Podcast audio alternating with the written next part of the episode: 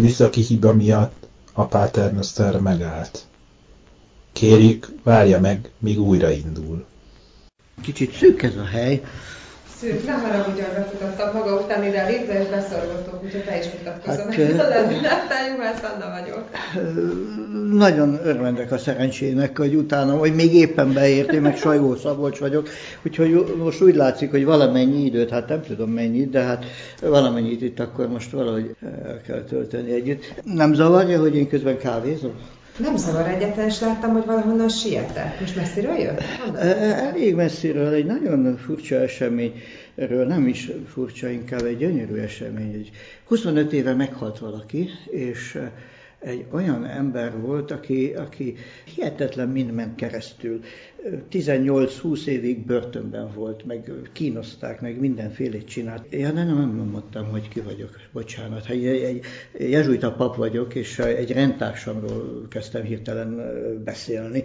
Biztos nem is érdekli az egész, de... De érdekel. Tényleg? Igen. Én szívesen mondom, de ki az, akihez beszélek tulajdonképpen, túl azon, hogy Juhász Anna? Én pedig irodalmár vagyok, és érdekel, érdekel, amit elmondana. Nekem is számos jezsuita ismerősöm és barátom van, és elég sokat foglalkoztam irodalmárként is a vallással, fontos téma, most is én is egy 40 éve elhunyt emberrel foglalkozom idén nagyon sokat, aki költő volt, és egyébként 100 éve született, Úgyhogy, úgyhogy fejezze be Szabolcs a történetet, aztán elmondom az én történetem. Jó, ez kisiratos a helységnek a neve, egy kicsike kis falu Arad mellett, és ott született ez a jó ember, akit úgy hívnak, hogy Godó Mihály. Hát elég fiatalon, hogy bezupált jezsuitának, aztán meg is maradt, hiába volt nagyon nehéz a, a, kitartani, mert ugye ez a második világháború alatt és után aztán nagyon, nagyon keserves volt azoknak a sorsa, akik nem igazodtak megfelelően a helyzethez azóta meg rögeszméje, hogy igazat és csak is az igazat, és akár tetszik, akár nem, és mindenkinek a szemébe, hát el lehet képzelni, hogy ez mivel jár a körülmények között. Igen. Igen. Igen. És akkor hát szépen egyik börtönből a másikba, kegyetlen börtönökbe vitték el. Volt olyan, hogy nyolc éven keresztül teljesen magánzárkába, olyan helyen, ahol maximum törvény szerint fél évig lehet tartani valakit, mert nincs rendes ablak, télen a hideg, olyan betonteknő van ott, amit időnként föltöltenek egy kis vízzel, hogy beleálljon, és nem lehet abból kilépni. Szóval szörnyű körülmények között. De egy történetet elmondok még, hogy ezt ő mesélte, találkoztam vele dobogókön, mikor ott fönt a Manrézában próbáltam tenni, venni dolgokat. 90-es fordulat után átjöhetett, nagyon beteg volt, Budakeszin a szanatóriumban próbálták a tüdejét gyógyítgatni, és föl-föl jött dobogókörre, összebarátkoztak, és meséli, hogy tudod, egyszer majdnem meghaltam így a magánzárkában, mert jött az orvos, és azt mondta, szíve teljesen van. És hát ezzel sokat nem lehet csinálni. És akkor nekem eszembe jutott, mondta, hogy egy, egy ilyen 17. századi kódexben olvastam, hogy, hogy a nevetés az jót tesz a szívnek. Úgyhogy elhatároztam, hogy naponta egy órát fogok röhögni. és hogy honnan tudom, hogy mi az egy órát? Tudtam, hogy ugye délben van, a, a, amikor hozzák, a, kinyílik az ablak, berakják a kis valami ennivalónak nevezett dolgot, és 11 körül pedig mindig hallani a vonatot, ahogy a közeli kanyarban, ott meghúzzák, a, és akkor amikor azt meghallom, elkezdek röhögni. Azt hittem mindenki, hogy meghűltem, de az eredmény, hogy egy év múlva az orvos jött, és nem tudom, mi van magával, de a szíve olyan jó, hogy... Szóval ezt az embert most gondolom élvezi, hogy itt ezt a történetet itt továbbadom. 25 éve már valami felhőn csücsülve nézi és élvezi, a, mit teszünk, veszünk. Már nagyon szerette az embereket, gondolom ez nem szokott le róla oda, se inkább csak növekedett az irántunk való pozitív világa. Onnan rohantam haza, és alig beszállok a liftbe, és akkor valaki, fú, de hát egy kellemes társaságnak ígérkezik, úgyhogy nem tudom, meddig fogunk itt áldogálni, de egy kicsit akkor meséljem magáról, hogy tudjam mondani majd, de nem a klubban, hanem a rendházban a társaság, hogy kivel voltam ott egy órát bezárva, vagy valameddig bezárva be, be a Paternosterbe. Na tessék, most erről a nevetésről eszembe jutott egy, egy történet amikor egyetemista voltam, és én egy ilyen irodalmi családba születtem bele, apukám is költő, és, és egész gyerekkorom ezzel telt, hogy, hogy írók, művészek közt, közt élek. de én azt gondolom, hogy még a legegyértelműbb helyzetekben is az embernek adódnak kérdések, hogy igazából mi az ő útja, hogy hova szeretne menni és nekem a, a, egy ilyen elég nehéz élet szakasz után Rómába vezetett az utam, és én ott kezdtem el a Szapiencán tanulni. És a szakdolgozatom témáját nem is mondom, hogy nehezen találtam meg, hanem olyan témát választottam, amit senki nem kutatott, ez pedig a 49 utáni katolikus magyar emigrációnak a csoportosulási pontjai Rómában. És ezzel kezdtem el foglalkozni, és az egyik témám egy olyan ember lett, aki többek között a legtöbb beszámoló szerint nagyon megtanította a többieket nevetni. És ő Békés Gellért volt, én róla írtam a, a szakdolgozatomat, egy, egy részét. Az ő... Milyen kicsi a világ, nagyon jól ismertem, de nem akarok bele. Tényleg? Jaj, de akkor majd beszélünk igen. róla. Szóval én ugye őt már nem ismerhettem meg, Igazából Szőnyi Zsuzsa volt az én útvezetőm, ugye a Triznya kocsma, a katolikus rádió magyar adása, a katolikus szemlének ugye 91-ig, amíg ott Rómába szerkesztették a, a számait. És hát mindenki, aki el tudja képzelni, aki Rómában volt, és, és nagyon sokat mesélt nekem Békés Gellértről, olvastam a verseit arról, és írtam egy külön tanulmányt, és most ahogy így mesélt a, a maga ismerőséről, nekem rögtön beugrott egy, egy-két ilyen történet, amikor elmesélte Zsuzsanén, hogy ebbe a Triznya kocsmába, a Rómába, ugye az Aventinus dombon ülnek, és, és amikor mindenki idegesen megérkezik azokon a hétvégéken, és persze csinálják azt a rakott koruntlit meg, én nem tudom, és leülnek totál más világnézetű és gondolatú emberek, és a Békés Gellért ott ül középen, és ő az, aki mindenkivel megtalálja a hangot, és egy fél óra alatt a nevetésével, meg a kedvességével olyan rendet varázsol maga köré, és úgy sajnáltam utána, hogy én nem ismertem őt meg, persze mindenkit megismerünk, akiről gondolkodunk, akivel együtt vagyunk, és Igazából én mindig úgy gondoltam, hogy egy picit ő így a barátommá vált, meg ugye volt Szabó Feri bácsi, aki nekem szintén ilyen témavezetőm volt, és vele itthon is szoktam találkozni ott a pasaréten, de, de ő is sokat segített,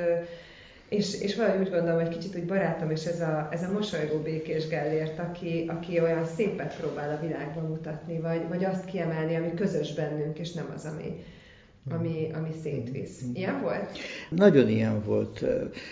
Én először úgy ismertem meg, hogy kinyitottam a 60-as években egy picike kis bibliát, az új szövetségi szentírás, és néztem, hogy ki fordította Békés Gellért, Dallos Patrik, és, és akkor, hát nekem ez így megmaradt, a Békés Dalos Biblia, és aztán később, épp a Triznya kocsmában is találkoztam vele Rómában, és a Pax Románának volt ő a lelkésze, és én tőle vettem át a Pax Romana lelkészséget, úgyhogy Igen. nagyon sok, ez a, ez a jó bencés Igen. atya, ez, ez tényleg a, hozta a, a legjobb formáját a bencés szerzetesnek, úgyhogy Benedek gondolom most, most is veregeti a vállát, hogy emlegetjük.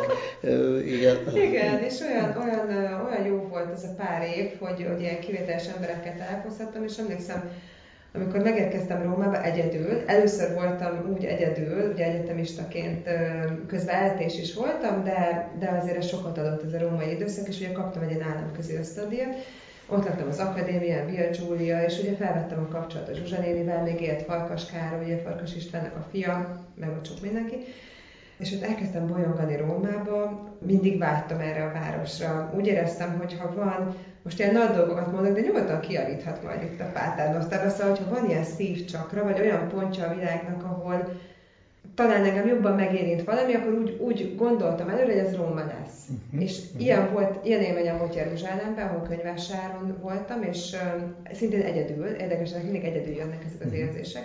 És ugyanilyen volt Róma, amikor este elkezdtem bolyongani, éjfél körül érkeztem el a Terminibe, a rengeteg cumommal, ösztöndíjasként, és bementem a Magyar Akadémiára, és még kimentem a spanyol lépcsőhöz, és ott elkezdtem sírni, de ilyen nem, nem akarok ilyen szentimentális lenni, és másnap Feri bácsi megfogta a kezem, és mondta, hogy menjek el az ír Jézuba, mert ez sok szempontból egyedülálló Róma történetében, úgyhogy nem is a négy nagy bazilikába mentem el, hanem az ír Jézuba, közel is van az akadémiához, és pont úgy érkeztem, hogy Szent Mise volt. És ugye ez egy ilyen főúton a, a, a Viktor Emanuel útnak az egyik fontos pontján van, nem lehet összetéveszteni semmivel. Lenyűgöző meg olyan nagy is, és úgy éreztem, hogy olyan, mint egy ilyen nagy kabát, amit így rám tesznek, és közben mégis azt éreztem, hogy, hogy valahová megérkeztem, és biztos, hogy valami nagyon fontos időszaka lesz az életemnek, és aztán persze ott volt velem végig tényleg Zsuzsa néni, meg Szabó Feri bácsi, mint ilyen mentorok, meg segítők, akik egy picit így segítettek a dolgozatomba is, meg, meg a, a, az emberek, meg a történetek megismerésében. De szóval ilyen meghatározó helyszín magának volt ilyen város? Volt ilyen város, és ez egy kicsit szomorú helyszín volt.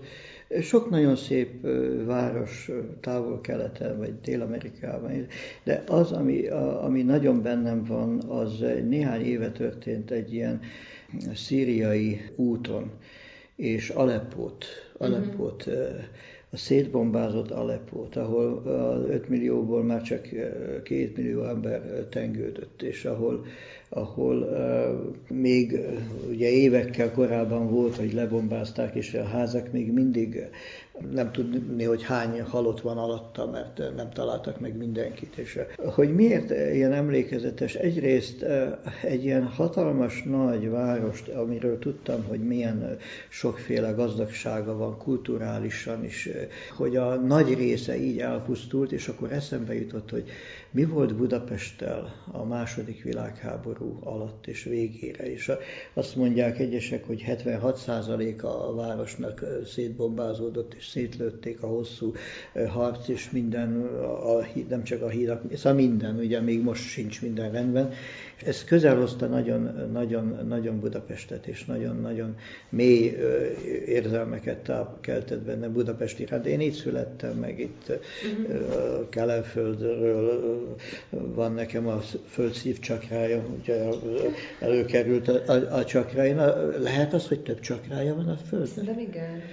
Mert én egyre inkább azt kezdem látni, hogy annyi csakrája van ennek a földnek, ahány a, a titoktól, a transzcendenstől, a, a, a kimondhatatlan nevűtől megérintett ember van. Az mind a föld szívcsakrájává válik valamiféleképpen.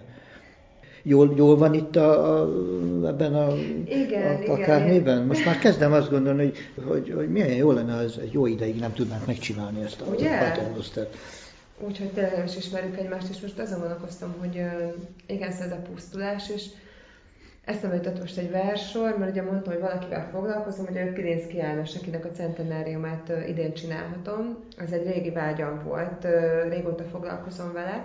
És ugye neki van ez a itt áll szemközt a pusztulás, egy ember védket hangtalan, ugye az apokritben, és most ez a pusztulásra jutott eszembe meg, hogy ő is mennyi mindent látott, és hogy, hogy olyan érdekes a költészet, ami szerintem akkor, vagy vélelmezem otthon a mindkettőnknek, mert, mert a gondolatoknak valahogy része része a vers, és hogy ő is mennyi mindent láthatott többek között a háborúból, ahonnan ugye hazajön 45 végén, és egyébként érdekes, hogy pont ugye 46-ban megjelenik a, a trapézis korlát, ugye megkapja a Baumgartner díjat, és utána 47 végén utazik, és erről olyan fantasztikus leveleket ír ugye az anyukájának, a nagynényének, ennek a három nagynénének, ugye a tetének, a Márinak, meg a bébinek, mm-hmm. aki, akitől az milyen nyelvet kapta, és ugye ő is elmegy Rómába, de most nem csak mindig ide akarok visszatérni, de olyan érdekes, hogy, hogy elmegy Rómába, pedig ott is mit lát? Ezért egy, egy szintén egy, egy vesztes háború után egy, egy, egy pusztult helyzetet lát, tehát nem, egy, nem azt a Rómát, amit mi most láthatunk, most ne számítva ezt a reklámokkal teletűzdelt furcsa dolgot, de hogy pusztulást lát, és mégis annyi kép születik meg benne a tengerről, az emberekről, a lehetőségekről úgy, hogy közben mégis a, a bűn az valahogy ott marad az egész életében. És nem tudom, hogy mi egyébként most itt, akik egyetlen olvassuk, ezzel a szóval mit tudunk kezdeni bűn. Nem tudom, hogy magának, ha beszélget akár fiatalokkal, milyen tapasztalata van, vagy az, hogy büntetés, vagy az, hogy valaki akár átvállal, és sok, sok esetben azt éreztem Pilinszki János nagyon, hogy átvállal esetleg a többi embertől valamit, erről is ír a verseiben, és mint hogyha felmentene minket, de talán én meg pont általa tudok gondolkodni. Szóval valahogy most Aleppóról nekem, nekem ez a szemben a pusztulása jutott mhm. eszembe, a Pilinszki János, aki annyi hihetetlen érzést tud adni mm. szerintem, csak nem mm. tudom, hogy elegen olvassák el, vagy hogy mhm. foglalkoznak ezzel soraival.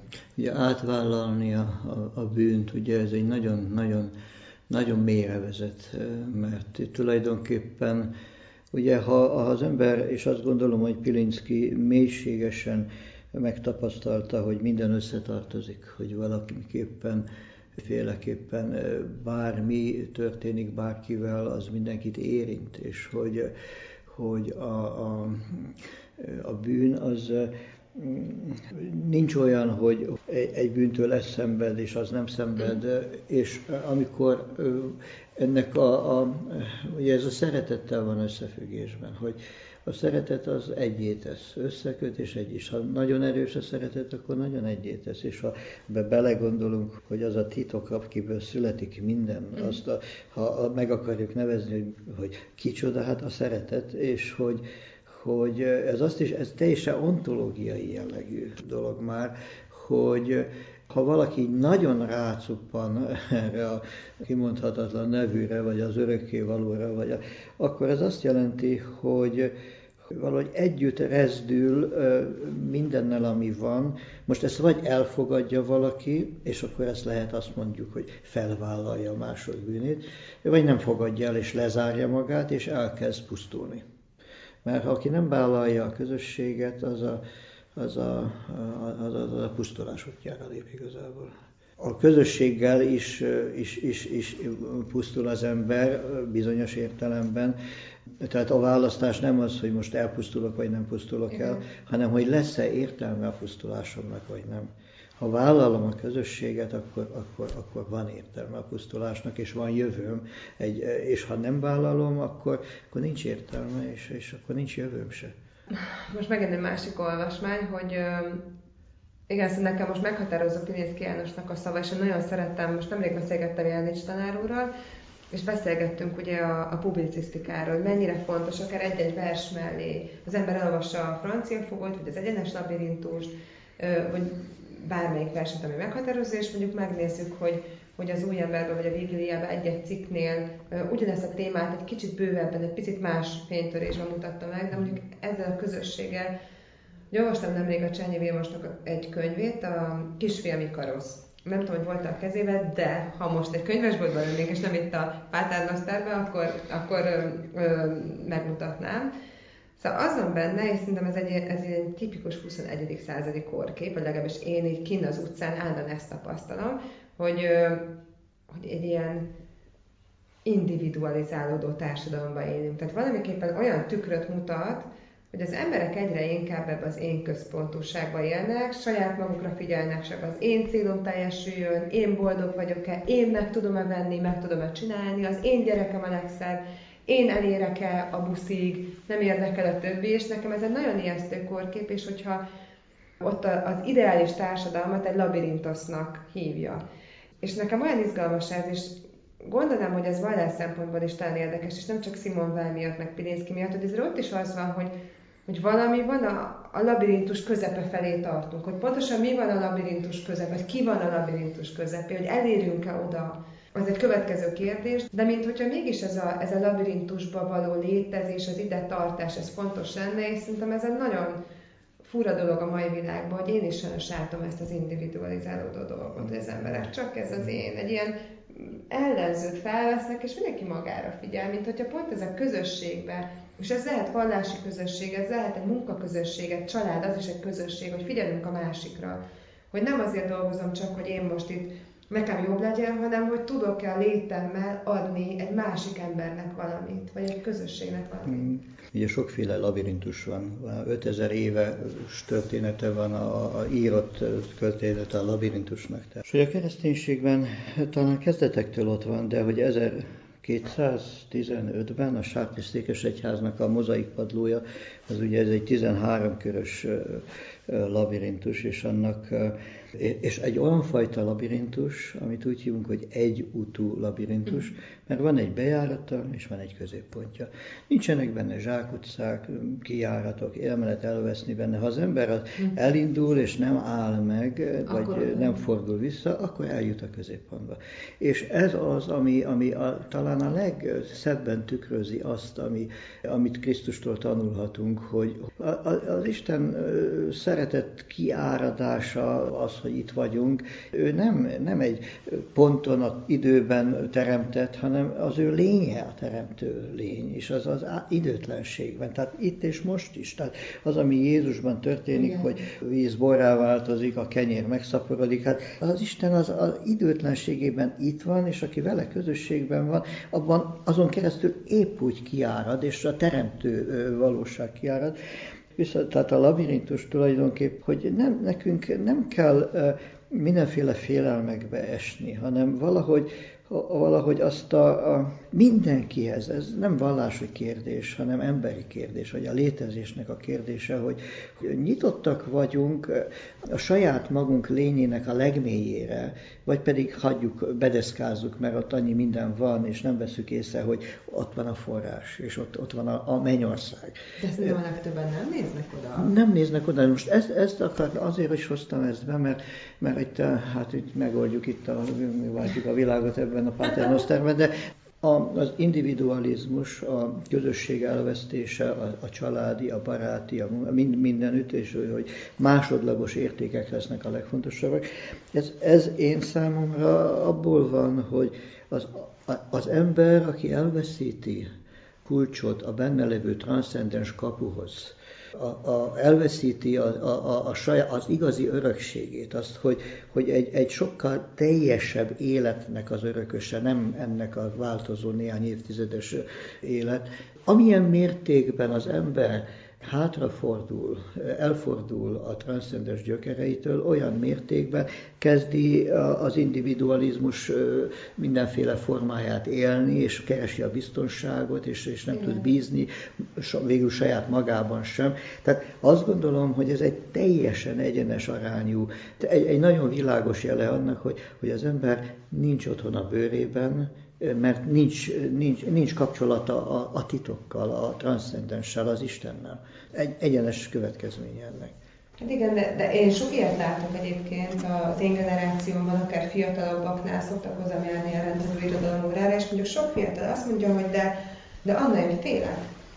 Félek hazamenni elmondani, hogy rossz a jegy, félek, hogy azok ott kinevetnek és kibeszélnek, félek, hogy hogy fogok tudni tovább tanulni, félek, hogy mi lesz velem, félek, hogy apunak elveszik a munkáját, most teljesen különböző dolgokat, és szerintem azért nem olyan egyszerű mit mondani. Ez egy nagyon jellemző, és most nem mondom, hogy amikor édesapám még pinétkelmesek voltak, ők nem szorongtak, vagy nem féltek, de szerintem sok esetben az életünk bizonyos pontjain megjelenik ez a félelem. Ugyanúgy, mint a boldogság, de majd mindjárt arra is mondunk példát. De hogy mit lehet ilyen félelemmel kezdeni, maga mit mondanak? Azt gondolom, hogy aki nem tapasztalta meg a szeretetet, az fél. Minél mélyebb tapasztalata van az embernek arról, hogy őt szeretik, vagy minél mélyebb tapasztalata van arról, hogy, hogy, hogy ő tudott szeretni a kedvesét, a gyermekét, egy barátját, egy szál virágot. Ha, ha valahol az emberben van tapasztalat a szeretetről, a szeretet tapasztalatának a mélysége függvényeként lesz a félelem egy, egy elfogadható jelenség, vagy egy csapás, egy gyilkos dolog. És ez megint az előző kérdéshez is kapcsolódik, hogy igazából azt tud szeretni, aki megtapasztalta, hogy szeretik. Ezért szokták mondani, és kicsit néha kifukrázzák, hogy, hát, hogy Jézus szeret, ez az egyetlen, de, de ezt lehet úgy is mondani, hogy, az, hogy, hogy, hogy e, ezt megértse az ember, hogy tényleg erről van szó. Ugye Jézus maga mondja, hogy a szeretet nem az, hogy mi szeretünk, hanem hogy Isten minket előtt, előbb szeretett. És ezt valahogy felfedezzük, ezt megtapasztaljuk. Utána is fél az ember, mert hát annyi félteni valója van. De tudja, hogy valahol minden rendben van. És a, akármilyen veszteség, az nem halálos veszteség, az egy átmeneti mert ez a, ez a mélyebb, megint visszatérve, ez a, ez a teremtő mindenségnek a jelenléte, eh, amiben élünk, és ami fölfedezhető, hogy ha az ember e felé eh, van bármiféle interfész bennünk, mm-hmm. akkor, akkor az, az védettséget ad, hogy, a félelem ne legyen pusztító. Az egyik rendtársam, egy másik, Jálics Ferenc, neki van egy, egy nagyon szép, elhíresült megközelítése, hogy ha szeretném tudni, hogy milyen a kapcsolatom a nem láthatóval, az Istennel, akkor nézem meg, hogy milyen a kapcsolatom a láthatóval, az emberekkel. Ha az embereknek egy 20%-át szeretem, 60%-át nem érdekel, nem foglalkozom, mert egy 20%-át meg utálom, Hát akkor ugyanígy vagyok. Istenből érdekel egy 20%, nem érdekel egy 60%, és egy, egy 20%-ot meg gyűlölök az Istenben, nem bírok elfogadni. Maga vezet naplót? Időnként csak állhatatlanságom miatt ezek ilyen szigetek. Nekem is. Szigetszerűen én is ugyanígy. De amikor mondjuk megszületett a gyerekem, akkor mindent felírtam, beragasztottam a kis karszalagját, leírtam mm. az első dolgait, meg ugyanígy Rómába is. Szeretet. Bocsánat. hogy, nem ennyi, hogy szigetekként vezetek én is, és erre a kérdésre rendre visszatérek, de ahogy így kicsit megnéztem a naplóimat, már ilyen tizenéves koromtól kezdve, szóval az a szó, amit most mondott, hogy talán azt mondta, hogy amit gyűlölök, vagy ami idegesít a másikba, vagy amit... Amit nem tudok elfogadni, gyűlölök, Igen. nem szeretek. most ez a gyűlölet szó, ez az én szótáramban egy hatalmas nagy kérdőjel. Tehát én valamiképpen úgy ö, élem az életemet, hogy van, amit, van amilyen rajongok, és ezt mond, merem mondani, hogy, hogy amiért teljesen oda vagyok, akár az lehet egy, egy általam ismeretlen ember, lásd Pilinszki János, nem tudom, Petőfi Sándor vagy József Attila munkássága, élete, kutatom, keresem, vagy élő emberek a szüleim, a barátaim. Van, aki semleges, és dolgozom vele, vagy nem tudom, el vagyok, nyilván vannak semleges emberek, és van, a félek. Azért, mert, mert nem értem, azért, mert ő engem bánt, azért, mert látom, hogy ő esetleg engem nem szeret, én benne nincs gyűlölet, csak félelem, mert úgy érzem, hogy mi nem vagyunk, nem találjuk meg a hangot egymással, és nem tudom, mit tudnék tenni egy olyan emberrel, aki agresszív, vagy akiben gyűlölet van. És ezt az érzést önmagában, nyilván most belegondolok egy olyan testem, hogy mindenkinek ugye ott a közösség oldalon kattintás, és bárki bármit leírt, én most leírom, hogy magával beragadtam egy libbe, az Tokióba ugyanebben az időben most el tudja olvasni valaki, és valami nagyon csúnyát is odaírt, nagyon szépet.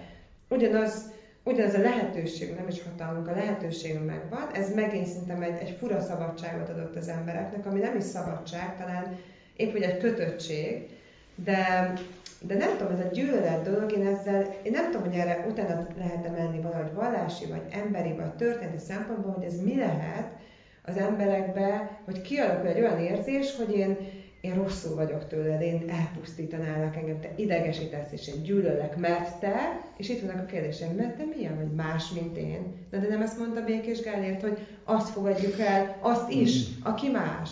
A Bibliában néha szerepel a, a, a szó, a gyűlölet szó. Nyilván az eredeti kell nézni a Hébert, aztán meg a, a görögöt, hogy ott, ott mit is jelent igazából. Ugye Jézus úgy mondja, hogy aki nem szeret engem jobban, mint apját, anyját, gyermek, az nem méltó hozzám. Ezt szokták így mindig magyarázni, hogy igazából a gyűlölet, amikor Jézus használja, azt jelenti, hogy, hogy, hogy az Istent kell jobban szeretni, mint bárki mást.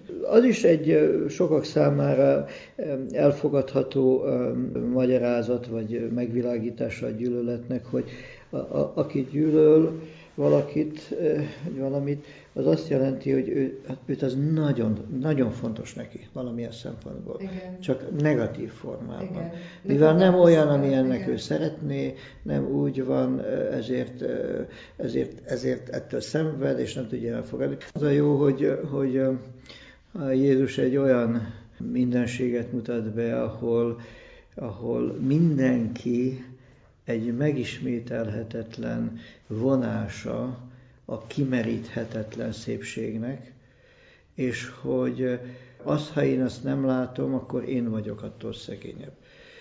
Ez egy ilyen örök dolog, hogy ha, ha ezt, ezt jól megértettük, mit jelent ez az imágó dei, vagy az Isten képmása, minden, és itt nem csak az emberre gondolok, az állatok, a puszta anyagvilágra is. Ugye a teremtés műhelyében nincsen próbapad, nincsen, micsoda, ahogy szoktam ezeket emlegetni, nincsenek sablonok, tehát minden egyedi.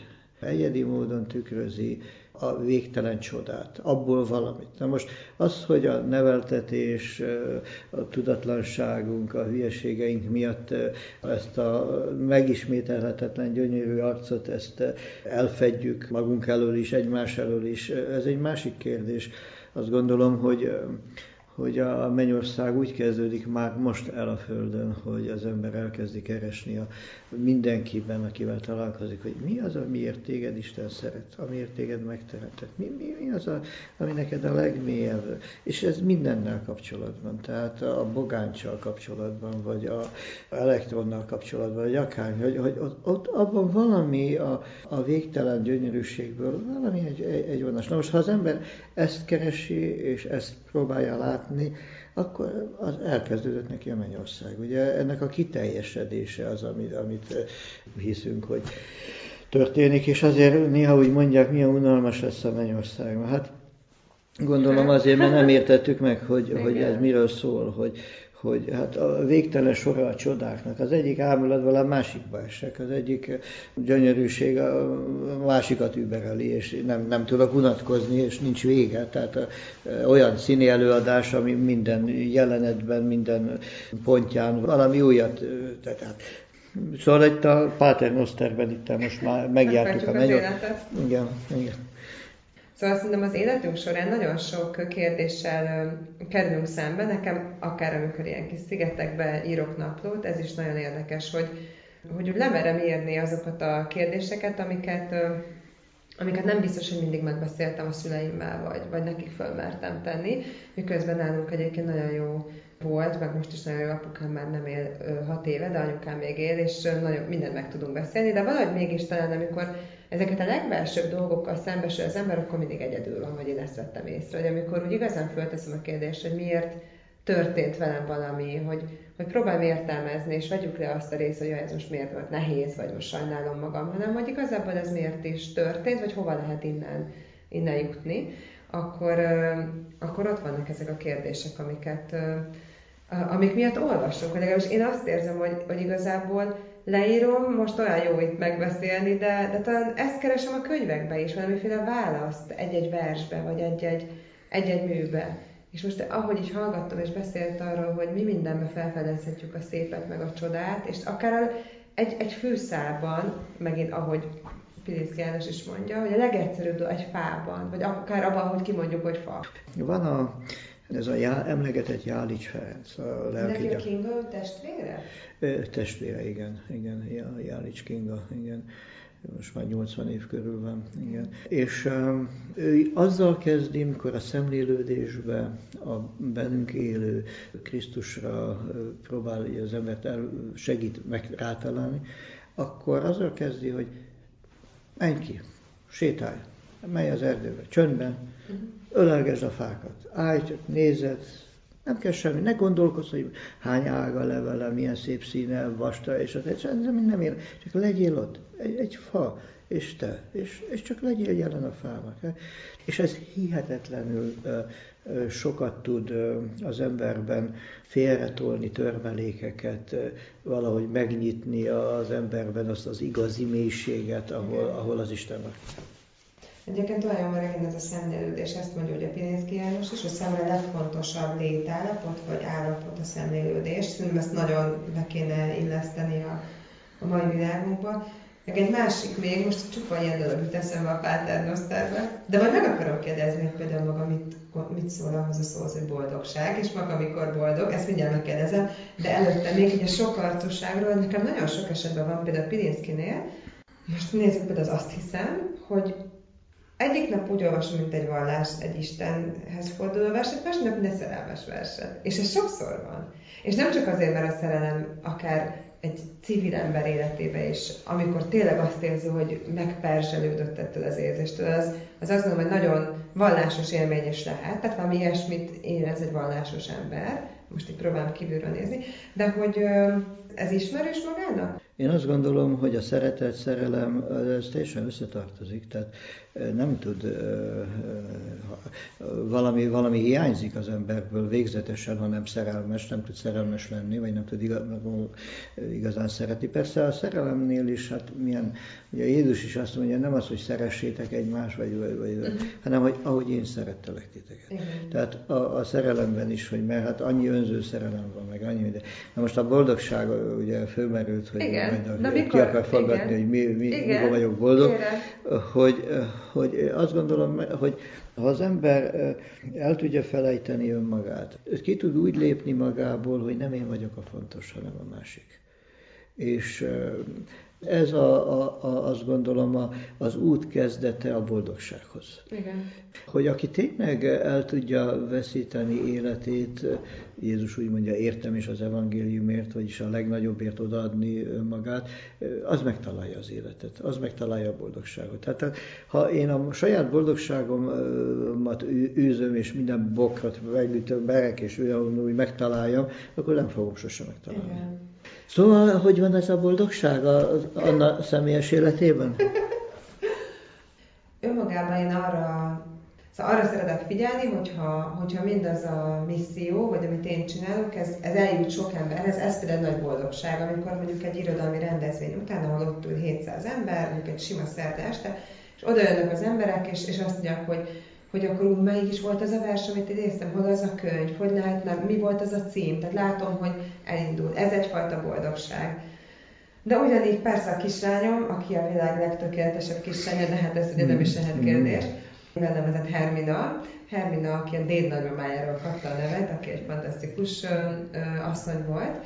Ő is, meg a család nyilván a férjem is nagy boldogságot adott, de inkább én azt tudnám mondani, hogy ö, nagyon sok esetben vettem észre, és nálam is így történt, hogy nekem a boldogság egy fordulathoz köthető, egy, egy, egy nehézséghez köthető, és az onnan való ébredés. Szerintem nagyon szép életet éltünk egész gyerekkoromban, egy, tényleg egy igazi szép család, jó értékek, és, és valahogy mégis most utólag azt tudom mondani, hogy hogy sok, nem, keresem a szavakat, hogy felszínesség, vagy sok, sok kérdés volt bennem, és aztán történt egy ilyen nagyon nagy nehézség az életemben, nagyon nehéz időszak, és én utána a szanatóriumban voltam egy évet. És nagyon beteg voltam, egyedül voltam, nem is jöhetett oda a családom. Tehát először tapasztaltam meg azt, 20 éves voltam ekkor, utána mentem Rómába egyetemre, és utána kezdtem el Rómába tanulni, hogy, hogy milyen egyedül lenni, milyen szembe kerülni magammal, és milyen, amikor valaki azt mondja, hogy hát most elég úgy tűnik, hogy három hónap van hátra az életből, mert itt most olyan adatok vannak, meg nem tudom. És ez egy nagyon fura dolog 20 évesen. Nem is mondom, hogy mindenkinek kívánnám ezt, a, ezt az állapotot, hogy ott álljon totál egyedül ö, parád fürdőn egy szanatóriumban. De valamiképpen nekem itt tényleg csak vasárnap jöttek fel a szüleim, tehát mint a varázshegyben egy olyan állapot volt az életemben, mondom közel egy évig, és én itt nagyon, ott nagyon sokat jegyzeteltem, meg naplót írtam, és valami teljesen megváltozott. Teljesen megváltozott a hozzáállásom saját magamhoz, a külsőségekhez, az olvasnivalókhoz, a családomhoz, az emberekhez, meg mindahhoz, hogy akkor itt vagyunk pár évig, lehet, hogy csak pár hónapig, lehet, hogy még tíz évig, lehet, hogy ötven évig, de mi az, amiért én itt vagyok? Tehát igazából én mit tudok csinálni ebbe az életbe, ha ez most három hónapig tart, vagy ötven évig? Mi az én dolgom? És valahogy ott a, a parát fürdői szanatóriumi szobába kezdődött el, én úgy érzem most, az az élet, amit én most élek. Tehát ami, amiből én ki akartam menni Rómába, amiből én elkezdtem az irodalommal foglalkozni, az olvasással, hogy, hogy valamit tudjak adni, talán abból az örökségből, ami olyan egyértelmű volt addig. Hogy persze egy híres apuka, egy csodálatos család, minden, minden csodálatos, persze volt ebben sok támadás is, de, de én, én voltam a szép lány, akit mindenki szeretett, és ott történt egy változás, és én ott kezdtem el talán ezt a fajta labirintusba, vagy magunkba való befelé utazást elindítani. És utána amikor kikerültem ugye a szanatóriumból, és Rómába kezdtem el tanulni, nyilván a Vatikáni könyvtár. Ez sok, sok olyan helyen, ami az embernek lehetőséget és okot ad az elmélyülésre. Én utána egészen másként tudtam később Budapestre is visszatérni, és én úgy éreztem, hogy boldog ember vagyok, mert én minden pillanatnak örülök, és lehet, hogy ez most ilyen fura lesz, de, de minden pillanatban fel vagyok arra is készülve, hogy itt a vége. Tehát minden pillanatban próbálom a maximumot magamból megadni, mert nem tudom, hogy meddig tart. Fogalmam sincs. És nem azt várom, hogy majd eljön egy pont, amikor majd tőle függ, hogy boldog leszek, vagy tőle függ, majd majd, ha gyerekem lesz. Én soha nem azt vártam, hogy majd a kislányom tesz boldoggá, hanem, hanem eljött az az ember, akivel egyértelmű volt, hogy le, lesz gyerekünk, és rögtön lett is gyerekünk, és ezt próbáljuk nagyon jól megélni. De nem a mi mitől vagyok boldog, hanem azért, mert, neki megmutathatok esetleg valamit, és egymás együtt tudunk valamit esetleg átélni. Ha valaki magára néz, akkor abban ezek a mosolygó szemek, ezek az állandó készség arra, hogy, hogy, hogy, hogy valami pozitív kommunikáció történjen, hiába mondana más, nem hinnék el, hogy nem boldog. A lift lefelé megy. De jó volt itt együtt lenni, remélem még összefutunk. Majd legközelebb is beszállok maga után, jó? Jó. Na vigyázzon magára, Szabolcs. Hasonlóképpen, kedves Anna.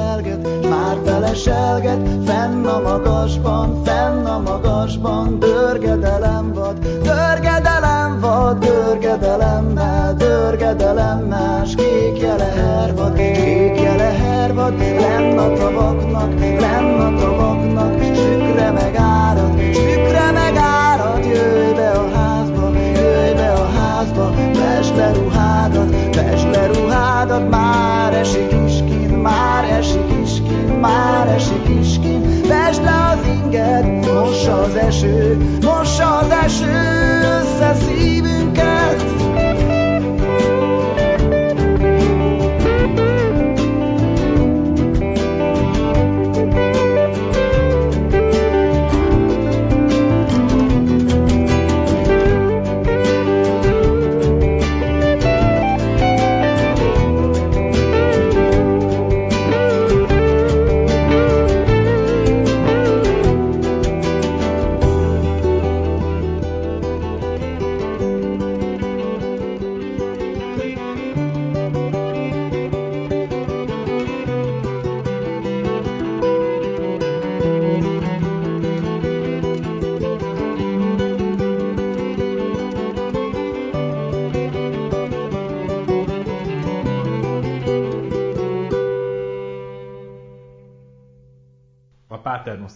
partnerei Szent István Rádió, Válasz Online, Kultúrpart.